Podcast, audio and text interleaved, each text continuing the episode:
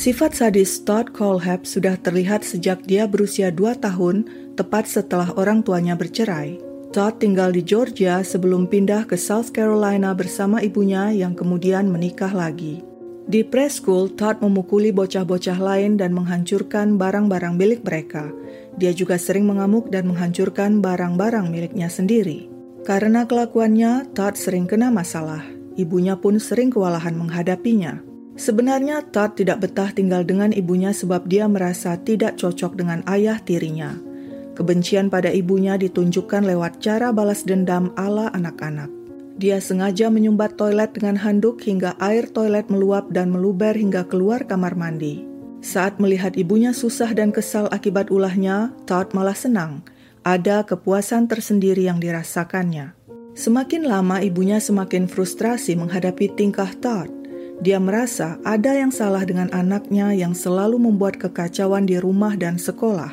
Di usia 9 tahun, akhirnya ibunya membawa Todd ke dokter ahli jiwa dan sejak itulah Todd mengikuti terapi kejiwaan. Tapi terapi itu tidak menunjukkan hasil apa-apa. Tingkah Todd semakin brutal. Selain menyakiti murid-murid lain di sekolah, kini dia juga kerap menyakiti hewan-hewan yang tidak berdaya. Dia menembaki burung, kucing, dan anjing dengan senjata BB gun. Bahkan ketika mendapat hadiah goldfish di dalam wadah kaca, Todd pura-pura suka, tapi kemudian menuang cairan Clorox ke dalam air untuk membunuh ikan itu. Simpati dan empati Todd kepada orang lain seolah mati. Yang ada dalam dirinya hanya kemarahan dan kebencian. Akhirnya dia pun masuk ke rumah sakit jiwa selama tiga bulan karena setiap saat selalu menggebuki teman-temannya di sekolah. Diam-diam Todd merindukan tinggal dengan ayah kandungnya. Dia yakin ayah kandungnya jauh lebih baik dari ibu kandungnya. Keinginannya itu terwujud ketika dia berusia 12 tahun.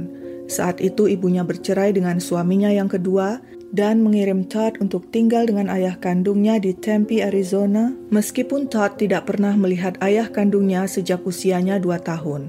Di Arizona, awalnya kehidupan Todd terlihat baik. Dia tampak akur tinggal dengan ayah kandungnya. Sambil sekolah, Todd mulai kerja serabutan dan mendapatkan upah. Kedekatan Todd dan ayahnya dilakukan lewat senjata api dan belati. Karena si ayah suka mengoleksi senjata api dan belati, pria itu memperkenalkan benda-benda itu kepada Todd. Dia mengajari Todd menembak dan memakai belati. Sayangnya, kedekatan ayah dan anak itu hanya dalam soal senjata api dan belati saja. Selebihnya, mereka urus diri masing-masing. Si ayah yang sibuk gonta-ganti pacar tidak sempat memperhatikan perkembangan anaknya yang sekarang sudah menginjak remaja. Perlahan, fantasi ayah ideal yang ada di benak Todd buyar. Ternyata ayahnya tidak sebaik yang dia pikirkan. Todd mohon untuk kembali tinggal dengan ibunya. Tapi sang ibu yang trauma dengan kelakuan brutal Todd malah ketakutan. Dia tidak ingin Todd tinggal dengan dirinya. Dia mengarang segala macam alasan agar Todd tidak tinggal dengannya. Sedangkan di sisi lain, ayah Todd juga merasa kerepotan mengurus anaknya itu. Si ayah kemudian berencana menyerahkan Todd untuk diadopsi orang lain. Mendengar hal itu, Todd mengamuk. Dia merasa tak seorang pun menginginkannya. Dia memendam amarah yang sangat besar. Todd seperti bom yang setiap saat bisa meledak. Dan benar saja, bom itu kemudian benar-benar meledak. Saat itu, Todd berusia 15 tahun. Dia mulai naksir seorang gadis remaja berusia 14 tahun anak tetangganya. Saat Todd menyatakan cintanya, gadis itu menolaknya dan malah memilih teman Todd. Akibatnya, Todd mengamuk. Pada 25 November 1986, saat gadis itu sendirian di rumah, Todd mendatangi rumahnya dengan membawa sepucuk pistol milik ayahnya. Dia lalu memancing si gadis keluar rumah. Saat itulah Todd menodongkan pistol ke si gadis dan menculiknya. Todd membawa si gadis ke rumahnya dan menyekapnya di sana. Kebetulan saat itu Todd seorang diri di rumah karena ayahnya sedang keluar kota. Untuk menakut-nakuti gadis itu, Todd sempat melepaskan tembakan meski meleset. Dia lalu mengikat si gadis ke tempat tidur dan memperkosanya. Usai melakukan aksi bejatnya, Todd mengantar korbannya pulang dan mengancam akan membunuh adik-adiknya jika dia mengadukan perbuatan Todd pada keluarganya. Tapi Todd tidak tahu di rumah sudah menunggu polisi. Ternyata abang si gadis melapor pada polisi adiknya hilang. Begitu si gadis tiba di rumah dalam kondisi kusut berantakan dan mengadu dirinya diperkosa, polisi pun langsung meringkus Todd. Todd Colehab diseret ke persidangan. Pengacara pembela Todd mengatakan, Todd bukanlah orang yang sadis. Dia hanyalah remaja yang penuh kemarahan karena masa kecilnya yang tidak bahagia. Ibu Todd juga menulis surat kepada hakim mohon agar anaknya tidak dipenjara dan dikirim ke rumah kakek neneknya untuk dididik. Saat mengikuti tes kejiwaan, Todd didiagnosa menderita borderline personality disorder. Tes IQ menunjukkan Todd cerdas dengan IQ 118 melebihi IQ rata-rata. Pengadilan akhirnya menjatuhkan hukuman 15 tahun penjara pada Todd Colehab. 15 tahun berlalu, pada bulan Agustus 2001, Todd Colehab bebas dari penjara di usia 30 tahun. Karena kejahatannya, pria itu kini selamanya akan terdaftar di database polisi sebagai sex offender atau orang yang pernah melakukan kejahatan seksual. Untuk memulai hidupnya, Todd pindah ke Spartanburg, sebuah kota di negara bagian South Carolina. Dia sengaja pindah ke sana agar dekat dengan ibunya. Hidup Todd tampak bergerak ke arah positif. Paling tidak begitulah yang terlihat di permukaan. Berbekal gelar di bidang ilmu komputer dari Central Arizona College yang diperolehnya saat kuliah lewat penjara, dia mendapat pekerjaan desain grafis di kota Spartanburg. Kehidupan Todd mulai mapan. Dia sekarang sudah punya uang untuk membeli benda-benda yang sudah lama diinginkannya, termasuk sebuah sepeda motor. Todd kemudian mendatangi sebuah dealer sepeda motor bernama Superbike Motorsports dan membeli sepeda motor merek Suzuki. Tapi ternyata sepeda motor itu terlalu besar. Dia kesulitan mengendalikannya sehingga dia kembali ke dealer itu untuk menanyakan apakah dia bisa mengganti sepeda motornya dengan sepeda motor yang lebih kecil. Tapi karyawan dealer malah meledeknya karena tidak bisa naik sepeda motor besar. Todd yang marah pulang ke rumah Sekitar dua minggu kemudian, sepeda motornya dicuri orang. Todd segera melapor ke polisi, tapi sayangnya polisi tidak berhasil menemukan si pencuri motor. Pada saat yang sama, Todd yang cerdas dan haus ilmu melanjutkan kuliah lagi di Greenville Technical College. Keinginan untuk membeli sepeda motor muncul kembali. Dia pun mendatangi lagi Superbike Motorsports untuk melihat-lihat sepeda motor. Di saat itulah dia mendengar percakapan karyawan bahwa merekalah yang telah mencuri sepeda motor Todd. Todd yang marah pun pergi membeli senjata api. Pada 6 November 2003, dia kembali mendatangi dealer Superbike Motorsports dan melepaskan tembakan. Hanya dalam 30 detik, empat orang tewas ditembus peluru. Keempat orang itu adalah Scott Ponder, Beverly Guy, Brian Lucas, dan Chris Sherbert. Setelah melakukan pembantaian, Todd berjalan keluar dengan tenang, dendamnya tuntas sudah. Polisi yang mengusut kasus pembantaian itu mengalami kesulitan mencari pembunuhnya. Saksi melihat seseorang masuk ke dealer dan menggambarkan wajah orang itu, tapi polisi tidak berhasil menemukan si pelaku.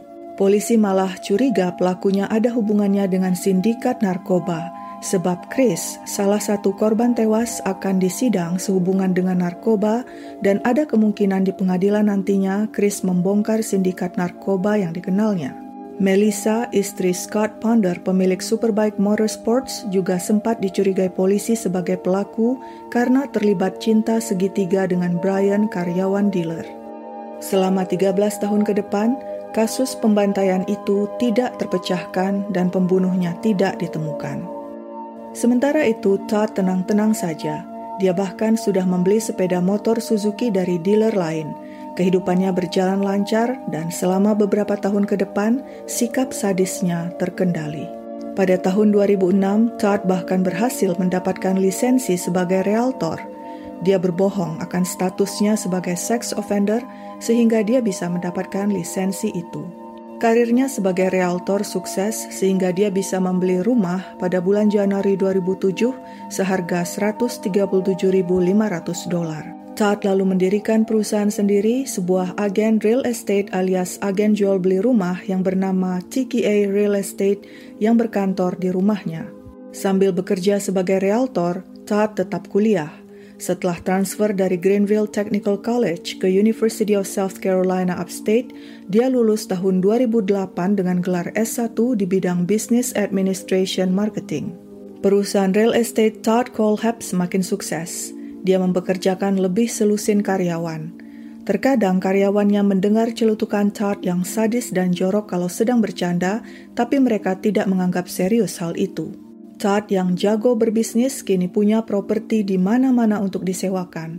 Bulan Mei 2014, Todd membeli lahan seluas 95 hektar dan sejak itulah kesadisan Todd muncul kembali. Todd suka hal-hal sadis dan vulgar. Dia punya obsesi tersendiri terhadap wanita.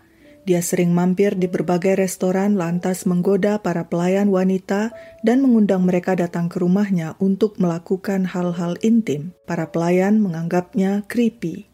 Pada saat itu jugalah badan Todd mulai menggelembung. Berat badannya naik mungkin akibat sering mengunjungi restoran dan makan di sana agar bisa menggoda para pelayan wanita. Salah satu restoran favoritnya adalah Waffle House yang terletak di Roebuck. Di sana dia berkenalan dengan seorang pelayan wanita bernama Megan Leigh McCraw Coxey. Megan sudah menikah dengan Johnny Coxey, keduanya tinggal sekota dengan Todd di Spartanburg. Seperti Todd, pasangan Megan dan Johnny punya catatan kriminal. Mereka baru saja sebulan keluar dari penjara. Keduanya adalah pecandu narkoba. Megan pernah ditangkap karena menelantarkan bayinya. Saat darah bayi tersebut dites, ternyata mengandung heroin karena ketika mengandung si bayi, Megan mengonsumsi heroin. Bayi tersebut kemudian diserahkan kepada dinas sosial. Todd berbaik hati pada kedua pasangan yang butuh uang tambahan itu dan menawarkan pekerjaan untuk membersihkan beberapa properti sewaannya. Keduanya pun setuju melakukan pekerjaan itu dan setelah itu mereka tidak pernah terlihat lagi. Pasangan Megan dan Johnny Coxey dilaporkan hilang pada 22 Desember 2015. Sekitar 8 bulan kemudian, tepatnya pada 31 Agustus 2016, Todd menawarkan pekerjaan membersihkan lahan miliknya kepada Kayla Brown dan pacarnya Charles Carver. Sejak hari itu, pasangan tersebut hilang, tidak kembali lagi ke kediaman mereka. Keluarga Kayla dan Charles mencari ke mana-mana tanpa hasil.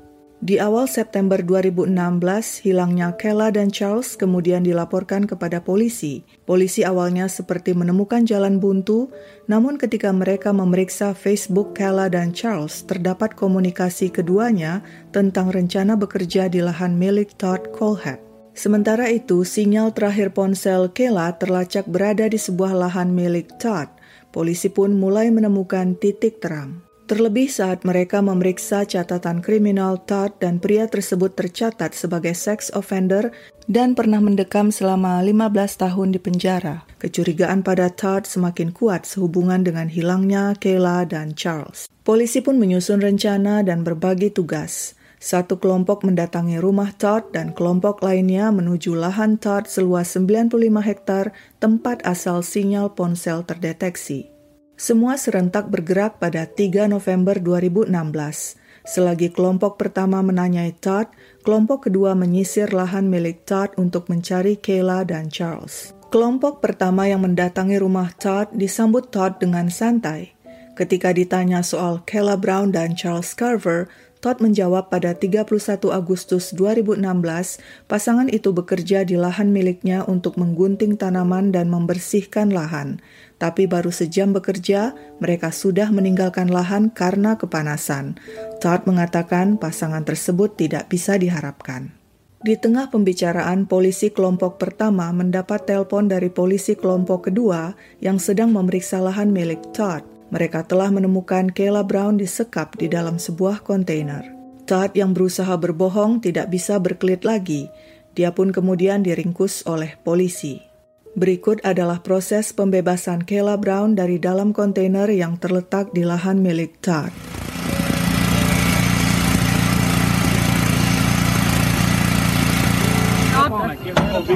Yes. Pull that one first. All right, let them get ready. Y'all ready? Come on. Back. It's jammed in here. Give me that crowbar back. Where's that? Get that big crowbar. Right here.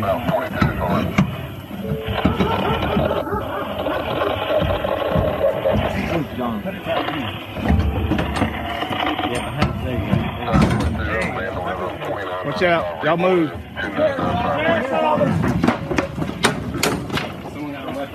I got it. Watch out. What's your name, man? Lauren. Lauren. Gotcha. All right. Just a girl. Just a girl, just a girl. How are you, honey? This We're is this, bolt cutters. This is our best. He's a paramedic. I sweetheart. need- oh, yeah. Okay, we're gonna get you out of there. Okay. Just hang loose for.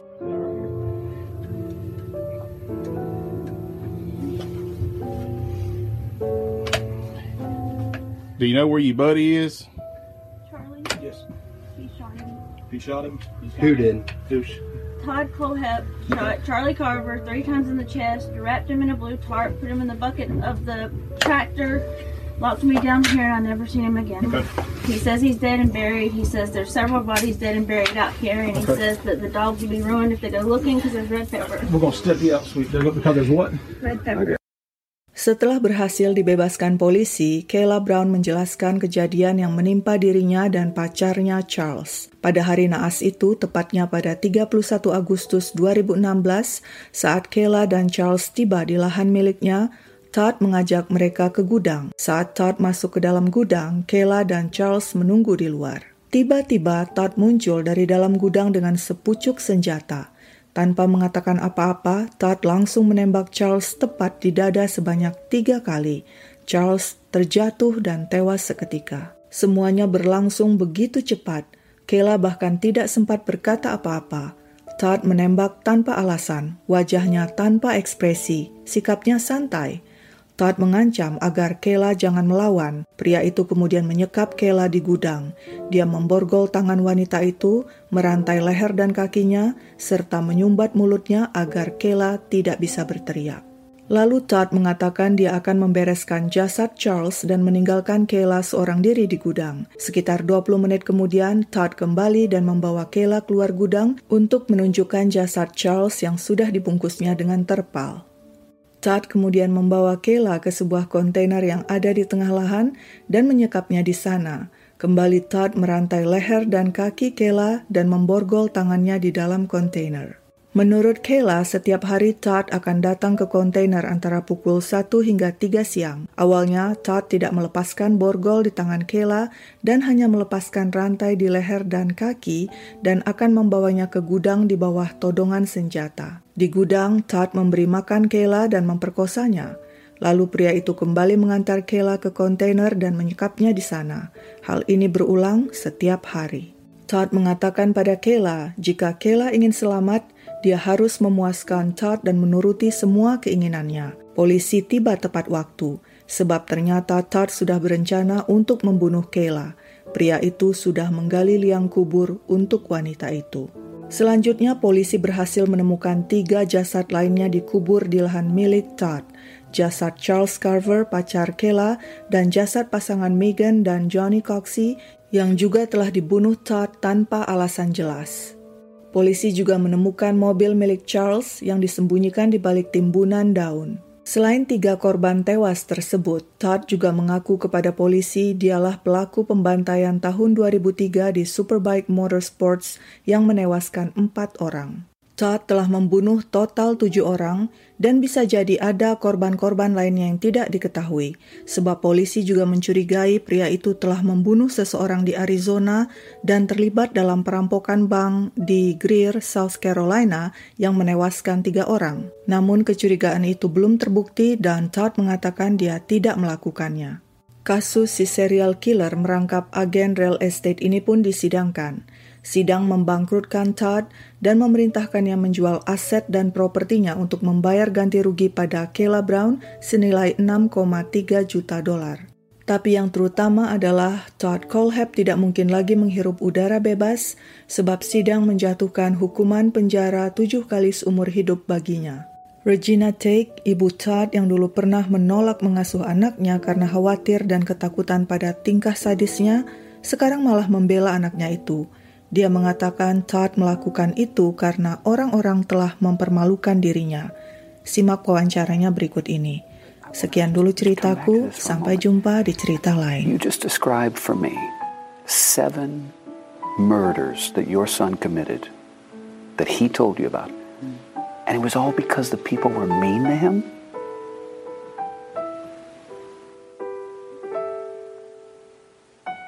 They embarrassed. And so he killed them. They embarrassed him.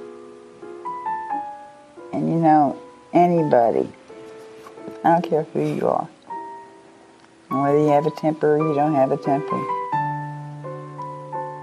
nobody wants to be embarrassed. To the families, and I'm sorry. But he wasn't a serious